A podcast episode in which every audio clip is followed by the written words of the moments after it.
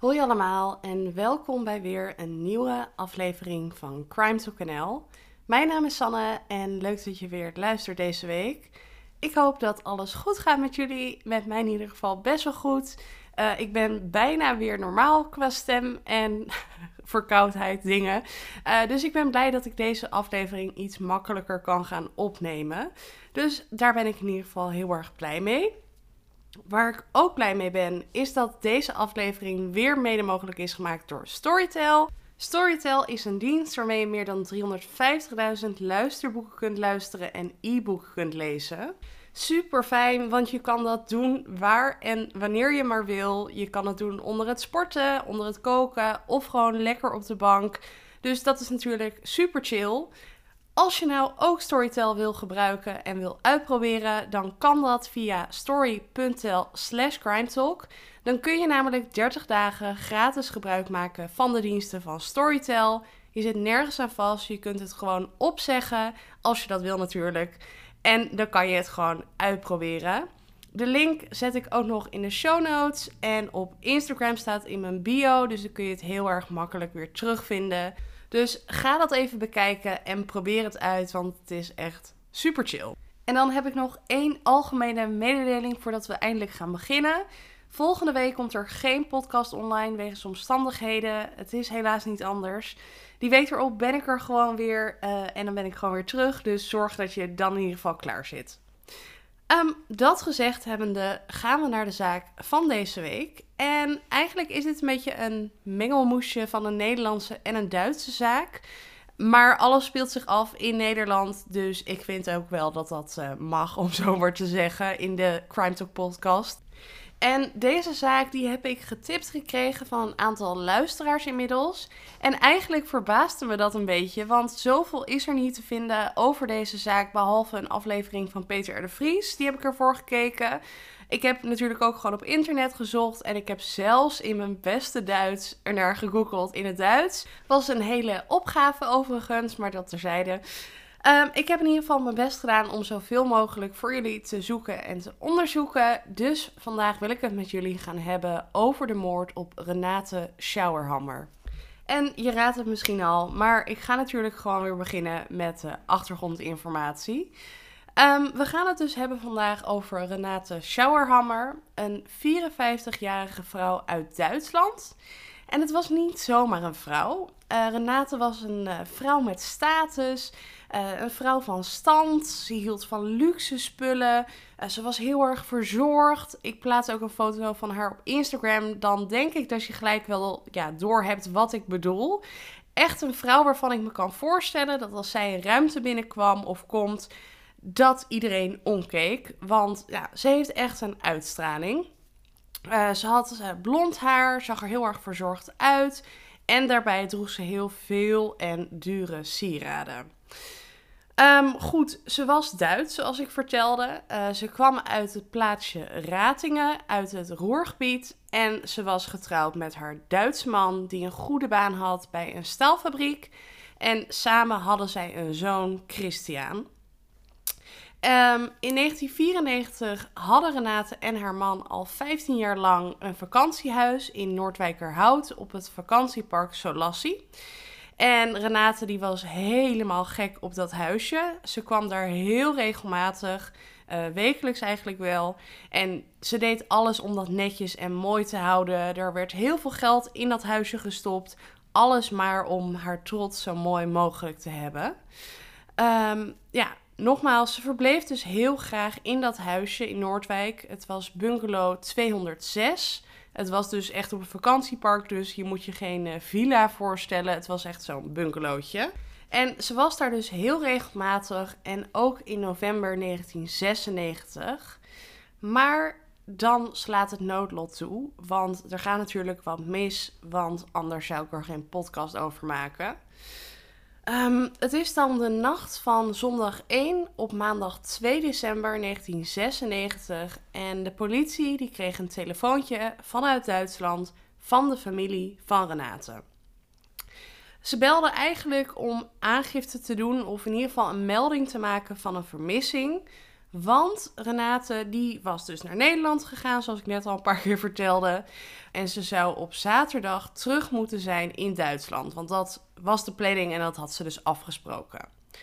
Maar nu was het al de nacht van maandag en Renate was nog steeds niet thuisgekomen.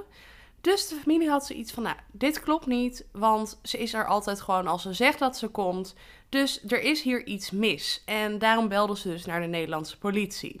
De Nederlandse politie die pikte dit eigenlijk vrij goed en snel op. En diezelfde nacht zijn ze nog naar het vakantiepark gereden.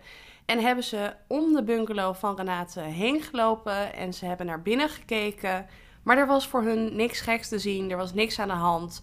Dus ja, ze hadden zoiets van, nou, hier kunnen we nog niks mee. En ze zijn toen weer weggegaan. Maar ja, goed, Renate was nog steeds niet terecht. En daarom kwam haar familie op maandagochtend naar Nederland.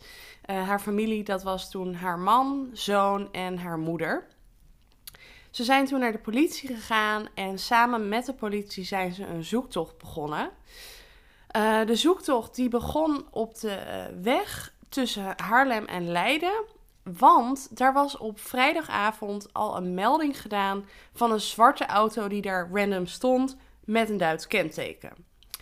Je voelt erbij misschien al hangen, maar de auto die daar stond, eh, de zwarte auto, bleek van Renate te zijn. Hun zoon, Christian, die had vanuit Duitsland vanaf huis een reservesleutel van de auto meegenomen. En die is toen in de auto gaan zitten. En toen hij in de auto zat, merkte hij eigenlijk al op dat het ja, anders was. Want de stoel die zat veel te ver naar achter voor zijn moeder. Ze zou dan nooit bij het gaspedaal kunnen komen. Dus het leek er voor hem op alsof er iemand anders in de auto had gezeten. En zijn vermoeden werd daarin ook versterkt, omdat de auto van Renate stond op de handrem. En dit was iets wat zij zelf ook nooit deed. Persoonlijk vond ik dat ook best wel raar. Ehm, ik weet niet hoe het met jullie zit, maar als ik niet de handrem op mijn auto zet, dan rijdt hij gewoon weg. Maar ja, blijkbaar was dat iets wat Renate wel altijd gewoon liet. Uh, ze deed dus niet de handrem erop en de auto werd dus aangetroffen met de handrem erop. En verder werd ook nog in de auto uh, de sleutel van de bungalow in een vakje gevonden. Geen idee of dat altijd zo was. Ik weet niet of iemand er überhaupt zeker over was. Maar vast stond dus wel dat de sleutel van de bungalow in de auto werd aangetroffen. Een best wel ja, opvallende en vreemde eerste vondst dus in de zoektocht naar Renate. En vervolgens is de politie samen met de familie van Renate naar de bungalow gereden om daar even te gaan kijken of ze daar toch iets konden ontdekken. Um, ze zijn er dus met z'n allen heen gegaan en ja, toen ze daar binnen stapten, troffen ze al snel een horrorscenario aan. Want Renate was gevonden. Ze lag namelijk vermoord naast haar bed in de slaapkamer. Ze was enorm toegetakeld. Uh, ze had meerdere diepe messteken in haar rug. Haar schedel was helemaal ingeslagen en daarnaast had ze een soort vuilniszak over en om haar hoofd. Echt gruwelijk. Het lijkt me ook gruwelijk als familie zijnde dat je er dan bij bent. Niet dat als je er niet bij bent dat het niet vreselijk is. Maar ik denk niet dat je verwacht dit aan te treffen en op deze manier. Dus dat was echt vreselijk. Um, ja, de politie die begon gelijk een onderzoek. En ik wil graag beginnen met wat ze aantroffen op het plaats delict. Wat gelijk duidelijk werd, was dat de dader of daders enorm hun best hebben gedaan om geen sporen achter te laten. Het huisje was heel grondig uh, schoongemaakt. Um, niet alles was helemaal perfect schoongemaakt. Want in de keuken, in de grootsteen, werden nog wel bloedsporen aangetroffen. En naast de grootsteen stond nog als stille getuige een emmertje met sop, wat vermoedelijk gebruikt is om de bungalow schoon te maken. En op het eerste oog leek er niets weg te zijn uit de woning. En daardoor werd een roof of een inbraak dus eigenlijk uitgesloten. Maar toch werden er later wel bepaalde dingen opgemerkt die er niet meer waren. Uh, de nabestaanden van Renate die waren er natuurlijk, dus die konden de politie ook het een en ander vertellen. Um, eigenlijk werd vrij snel duidelijk dat de ringen en de trouwring van Renate van haar vingers waren getrokken en waren meegenomen. ehm, dat de autosleutels van Renate misten. En dat Renate haar tas, uh, en dat was een rode tas in een hartjesvorm, ook niet meer aanwezig was. Niet per se een hele typische inbraak. Het zou natuurlijk kunnen. Ik bedoel, haar trouwring en ringen waren weg en dat tasje uh, en de autosleutels. Maar goed, als je bedenkt dat als je een auto steelt, dan zet je die waarschijnlijk niet later weer aan de weg. Dan neem je die gewoon helemaal mee. Uh, Renate die had dus heel veel dure sieraden. Ja, die waren er nog. Het waren dus alleen die trouwringen die weg waren en die tas. Dus nou, dat leek niet heel erg aannemelijk dat het een roof of een inbraak was. Maar goed, uh, ik had het over plaatselijk uh, en ik dwaal af. Um, zoals ik zei, waren er dus heel weinig sporen achtergebleven, behalve in de gootsteen. Maar later werd toch ook een spoor aangetroffen in de woonkamer. Want in de woonkamer zat er onder het kleed een schoenafdruk met bloed. Dus nou ja, ze hebben heel erg hun best gedaan, of hij of zij, de dader in ieder geval, om alles zo netjes mogelijk achter te laten. Maar uiteindelijk waren er toch twee sporen in de gootsteen en eentje in de woonkamer in de vorm van een schoenafdruk. Verder stond alles in de woning precies zoals dat normaal ook stond, uh, waaruit de politie kon concluderen dat er geen ja, worsteling had plaatsgevonden. Want ja, als je heel veel beweegt, dan gaan er dingen natuurlijk anders staan. Maar dit was dus niet zo en alles stond eigenlijk zoals het normaal ook stond. Het lijkt er dus een beetje op alsof er ja, niks geks is gebeurd in de bungalow. Alsof daar een vreedzame sfeer hing voordat het noodlot toesloeg. Um, het lijkt er ook op alsof er bezoek is geweest. Want, nou ja, dat is eigenlijk wel zeker, maar dat vertel ik later. Um, maar op de salontafel in de woonkamer stond een glas wijn en een kopje koffie, waarvan dus gedronken is. En in de keuken stond een pan met soep, waar nog een laagje soep in zat. En wat het feit ook versterkt dat er een vreedzame sfeer was. En waarom het erop lijkt alsof Renate dit zelf niet verwacht had is omdat er geen braaksporen zijn aangetroffen in de woning en omdat alle deuren op slot zaten.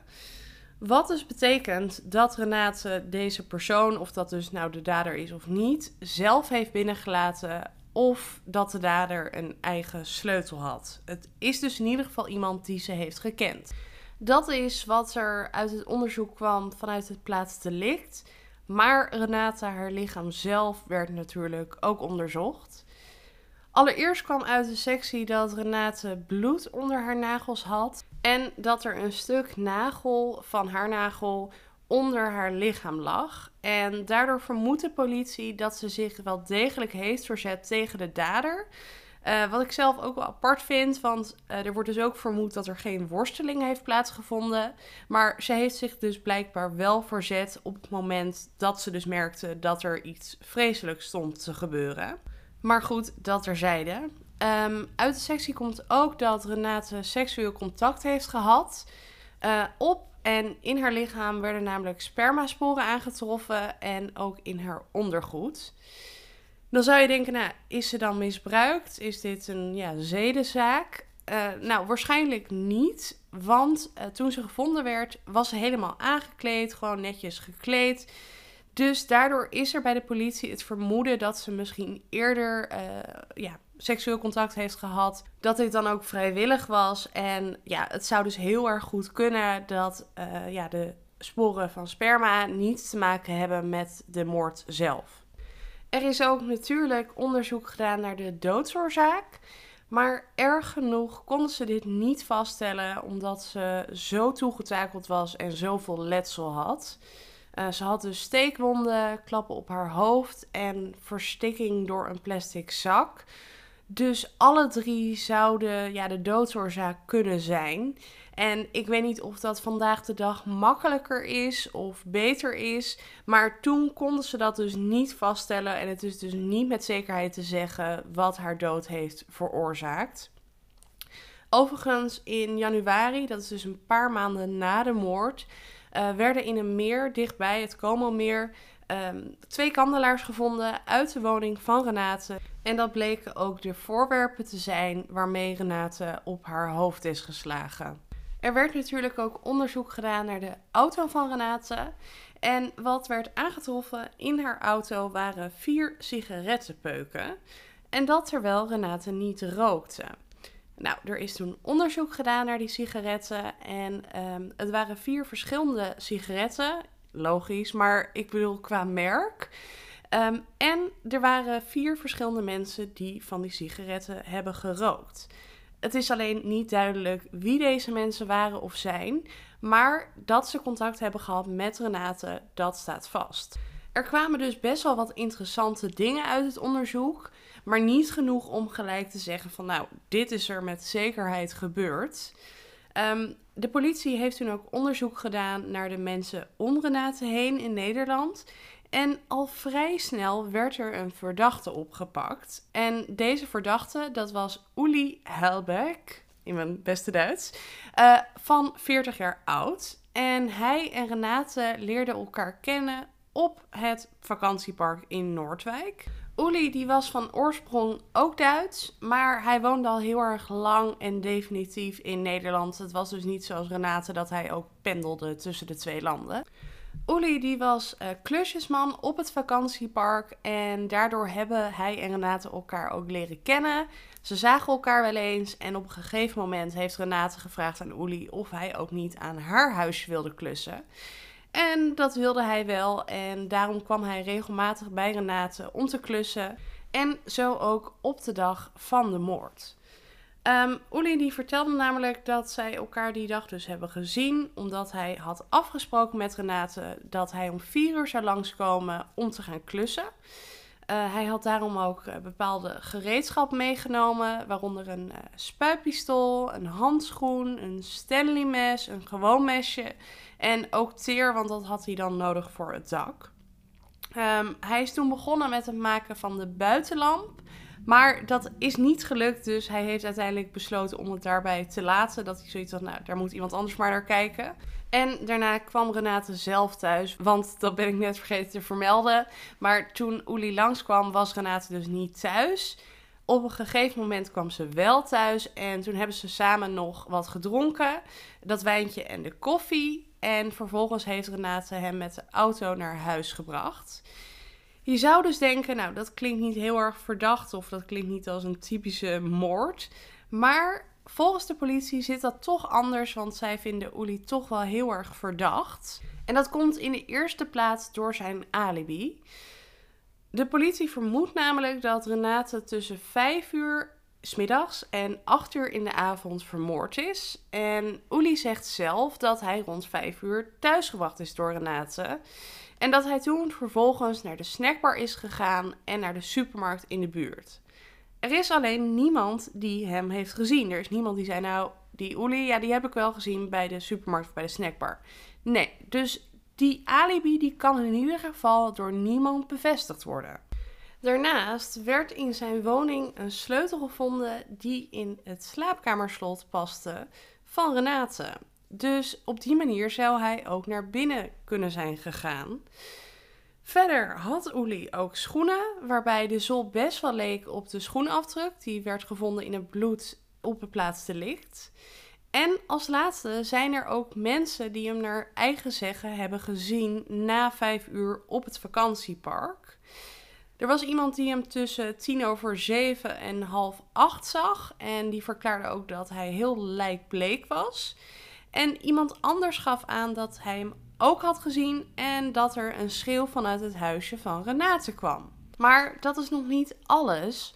Want um, die had natuurlijk verteld dat hij erheen was gegaan om te klussen en dat hij dus dat gereedschap mee had genomen. Dat gereedschap zou hij bij de woning van Renate hebben gelaten. Alleen dat gereedschap dat is nooit meer teruggevonden. Dus dat is ook alweer een beetje vreemd. Daarnaast werd zijn DNA aangetroffen op het glas wijn op de salontafel. Um, hij is dus ook degene die op bezoek is geweest bij Renate. Voor mij persoonlijk vind ik dit niet heel sterk bewijs. Uh, goed, wie ben ik? Ik ben geen politie of een rechter. Maar goed, hij geeft aan, we hebben daarna nog wat gedronken. Dat heeft hij verklaard in zijn verklaringen aan de politie. Dus ja, als je iets hebt gedronken, dan lijkt het me vrij logisch dat je ja, DNA op het glas zit. Maar voor de politie was dit dus een sterk argument. Ehm, wat voor mij een sterker argument is en het grootste bewijs voor de politie, is dat op de zak die om Renate haar hoofd zat, een vingerafdruk zat van de rechterduim van Uli. En ja, daarvan denk ik dus wel van nou, dat vind ik ook wel heel verdacht overkomen. Ja, voor de politie was het eigenlijk een ronde zaak. Ze hadden genoeg bewijs tegen Uli. Um, Uli zei nog steeds: Ik heb er niets mee te maken. Ik heb Renate niet vermoord. Maar hij komt toch voor de rechter. De officier van justitie die was er helemaal van overtuigd dat Uli de moordenaar was van Renate. En uh, die eiste negen jaar cel voor Uli. Maar de rechter die vond het niet genoeg bewijs. Die vond het niet overtuigend. En Uli werd vrijgesproken. Goed, hij zegt en zei dus ook dat hij er niets mee te maken had. Dus voor Uli was dat ook wel een overwinning. Want ja, het lijkt me ook vrij lullig als je onterecht vastzit. Wat ook wel interessant is, is dat volgens de advocaat van Uli had de politie eigenlijk een soort van tunnelvisie. En hebben ze vrij weinig andere opties en scenario's onderzocht naast Uli. Zijn advocaat die had ook een beetje het gevoel alsof het bewijs dat de politie had een beetje verdraaid was door de politie zelf. Um, zeg maar op een manier dat het hun wel heel erg goed uitkwam en ja, dat ze een ronde zaak kregen. Um, de, bijvoorbeeld die schreeuw die ze op het park hadden gehoord vanuit de bungalow van Renate, die zou rond het tijdstip van de moord van Renate zijn. Maar bij nader onderzoek van die verklaringen stond het helemaal niet vast dat dat ook rond het tijdstip was. De politie heeft er toen naar gevraagd van zou het kunnen dat het tussen 5 en 8 was. En toen werd er gezegd ja dat zou wel kunnen. Maar goed, het was dus niet zo dat de persoon die met die verklaring kwam, dat die zei nou ik heb 100% zeker tussen 5 en 8 die schreeuw gehoord. Dus dat is zeg maar een voorbeeld van hoe de politie het in de ogen van de advocaat een beetje verdraaide. Uli zelf die heeft ook een verklaring voor de vingerafdruk op de zak, wat ik zelf dus ook vrij overtuigend bewijs vond. Maar goed, hij verklaarde namelijk dat er sowieso van hem meerdere vingerafdrukken op die zakken zaten. Um, en dat kwam omdat hij die plastic zakken gebruikte als hij ging schilderen bij Renate. Dus in plaats van zo'n afdekzeil gebruikte hij die soort van vuilniszakken. Dus hij heeft zoiets van, ja, dat is ook helemaal niet raar dat mijn vingerafdrukken erop zaten, want ik gebruikte ze ook regelmatig. Dus ja, hij vindt dat zelf geen sterk bewijs. En als het echt zo is, dan klinkt dat natuurlijk ook wel aannemelijk dat zijn vingerafdrukken er dus op zaten. Ik weet ook niet of op die andere zakken inderdaad dus ook vingerafdrukken zaten. Maar volgens Uli is dit de reden waarom zijn vingerafdruk dus op de zak zat. Verder bleek ook dat de schoenafdruk die gevonden was in de woonkamer, waarop de schoen van Uli dus heel erg leek, niet de voetafdruk of niet de schoenafdruk was van Uli. Dus in dat opzicht klopt het dan niet meer, want dan zou je toch wel verwachten dat dat een 100% match zou zijn. Uli vertelde overigens ook nog iets wat heel erg interessant was. Hij vertelde namelijk dat na de moord uh, dat er op het plaatsdelict een stoel uit de slaapkamer van Renate in de woonkamer stond. Nou was dat niet zo raar, vertelde Uli, want dat deed ze wel vaker. Maar dat deed ze alleen als er meer dan twee mensen op bezoek waren. Dan had ze waarschijnlijk niet genoeg plek qua zitten in de woonkamer met de bank. Dus dan haalde ze die stoel vanuit de slaapkamer en zette ze die in de woonkamer. Dus volgens Uli moeten er meer dan twee mensen voor haar moord in huis zijn geweest. Wel een interessante toevoeging. Uh, ja, goed. Uli die ging dus vrij uit. Uh, zoals ik net al zei, ik heb niet het gevoel alsof er heel veel overtuigend bewijs is. En gevoelsmatig, voor wat het waard is, is hij ook niet de dader. Um, er was ook nog een ander verdacht persoon. En dat was namelijk een restauranteigenaar uit de omgeving van Noordwijk. Uh, zijn naam heb ik niet kunnen achterhalen, dus ik noem hem voor het gemak maar even de minnaar. Um, maar ja, de minnaar omdat Renate een affaire had met deze man. Renate die was natuurlijk getrouwd met haar eigen Duitse man, maar het bleek achteraf dat Renate al zes jaar lang een affaire had met deze minnaar. De politie heeft ook onderzoek gedaan naar hem en wat bleek? Het sperma dat was aangetroffen op haar lichaam, die waren van hem afkomstig.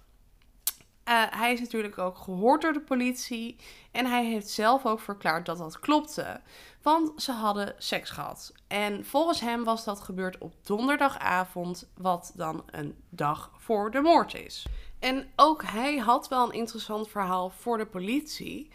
Want hij vertelde namelijk dat ze op de dag van de moord hadden afgesproken om samen wat te gaan eten. Zoals afgesproken kwam hij die avond rond 9 uur naar haar huisje toe om haar op te halen met de auto. Maar toen hij eraan kwam, toen merkte hij dat de auto er niet stond en dat de lichten uit waren en nou ja, dat Renate er zelf niet was. Hij heeft toen even staan wachten. Maar ja, toen hij merkte dat ze niet thuis was en ook niet kwam, heeft hij besloten om een briefje achter te laten. En is hij weer teruggegaan naar zijn eigen restaurant om daar vervolgens de avond kaarten door te brengen.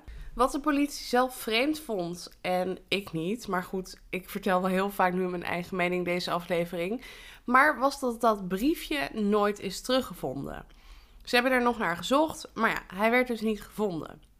Persoonlijk vind ik dat dus niet raar, want hoe groot is de kans als je een paar dagen later gaat zoeken naar een briefje dat je die niet meer vindt? Ik bedoel, uh, het kan zo wegwaaien en voor je het weet ligt het in een sloot of is het kilometers verderop. Dus ja, ik vind dat niet heel erg raar klinken in ieder geval. De politie vond dat dus wel. Um, het alibi van hem is wel bevestigd door meerdere mensen. Uh, hij vertelde dus dat hij is teruggegaan naar zijn restaurant en dat hij daar heeft gekaart met vrienden.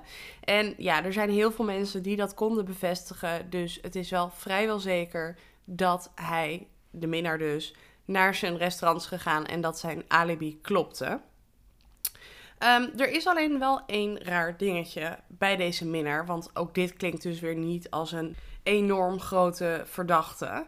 Um, maar wat dus raar was, was dat hij verklaarde dat hij en Renate op donderdag um, ja, seks hebben gehad.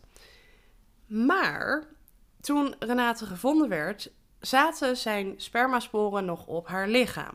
En dat is wel gek, want men verwacht dat een vrouw zoals Renate, statig, verzorgd, zich wel douche. Uh, ze heeft vrijdag ook gewoon haar leven geleid. Ze heeft mensen gezien. Ze is uh, naar verschillende plekken toe gegaan. Dus de kans is dan niet heel groot dat zij ervoor zou kiezen om ongedoucht de deur uit te gaan. Terwijl ze nog die ja, sporen op zich droeg. Um, maar goed, ja, het zou kunnen. Misschien heeft ze zich niet gedoucht. Maar het zou ook kunnen dat de minnaar misschien zelf niet de waarheid spreekt. Misschien hebben ze elkaar nog wel degelijk op vrijdag gezien. Hebben ze toen ook nog seks gehad. Maar wil hij dat op de een of andere manier niet vertellen? Um, ja, wat is wat, dat weten we niet. Um, de politie heeft nog wel geprobeerd om onderzoek te doen naar de hoeveelheid sperma die op haar lichaam zat. Om te kunnen kijken van nou, zou het kunnen dat het maar uh, heel minimaal was. Dat het dus wel degelijk zou kunnen dat het nog een restje was van die donderdag. Maar helaas, ze hebben het niet kunnen achterhalen. Um, dus ja, het is een raadsel of de minnaar wel of niet de waarheid spreekt. Uh, maar hij is uiteindelijk nooit opgepakt. Maar het was wel een interessant persoon natuurlijk om naar te kijken. Wat verder ook nog uit het onderzoek kwam, was dat Renate uh, ja, best wel een dubbel leven leidde. Een dubbel-dubbel leven kun je wel zeggen. Want nou ja, ze had haar leven in Duitsland. Ze had in Nederland het leven met de minnaar. Uh, maar het bleek ook dat ze nog meer mannen had, of af en toe op bed meedeelde. Um, ze kwam namelijk regelmatig bij een uh, ja, café, kroeg in Hillegom, wat inmiddels ook niet meer bestaat. Um, maar daar was in ieder geval één man waarmee ze een affaire had. En volgens deze man hoorde hij in ieder geval regelmatig dat Renate ook nog met andere mannen het bed deelde. Dus ja, wie deze mannen dan waren, dat weet niemand. Um, ze zijn in ieder geval niet achterhaald. Maar het feit is wel dat ze dus best wel veel mensen zag waarvan heel veel mensen geen weet hadden. En ja, wie is er dan allemaal wel niet bij haar over de vloer geweest? Vooropgesteld, echt, you do you. Als zij met 100 mannen seks wil hebben, prima. Maar daardoor weet dus niemand echt wie ze daadwerkelijk allemaal zag. En dat maakt het onderzoek natuurlijk ook wel een stuk lastiger. Verder zijn er ook nog interessante getuigenverklaringen over de avond van de moord. Want wat opvallend is, is dat ehm, haar minnaar, die zou haar dus om 9 uur s avonds ophalen om wat te gaan eten s'avonds. Volgens de politie had ze op dat moment al dood in haar huis moeten liggen.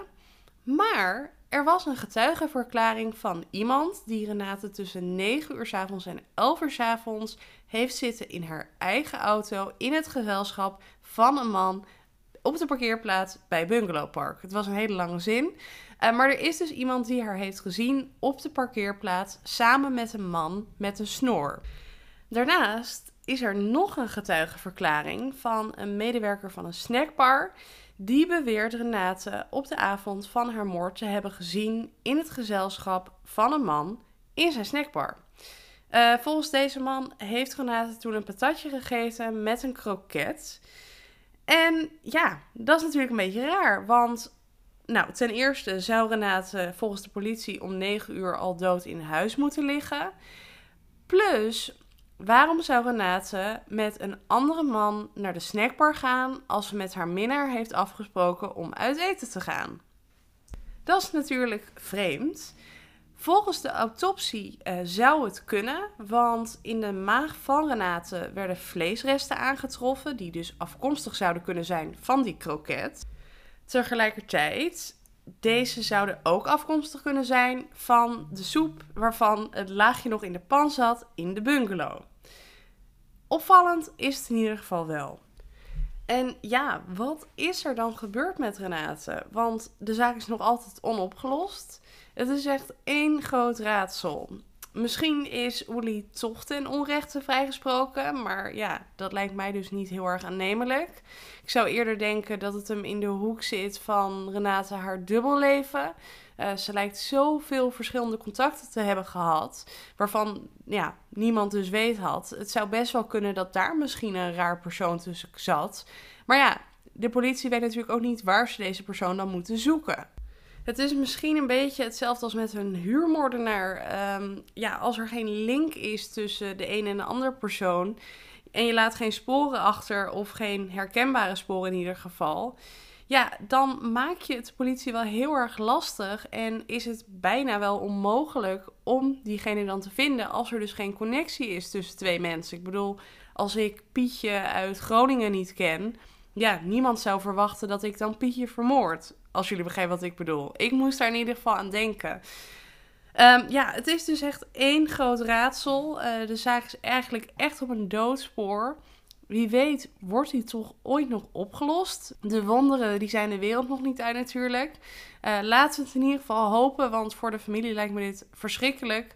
Um, en ja, er moet toch iemand zijn die de waarheid weet. En hopelijk komt diegene ooit nog naar voren.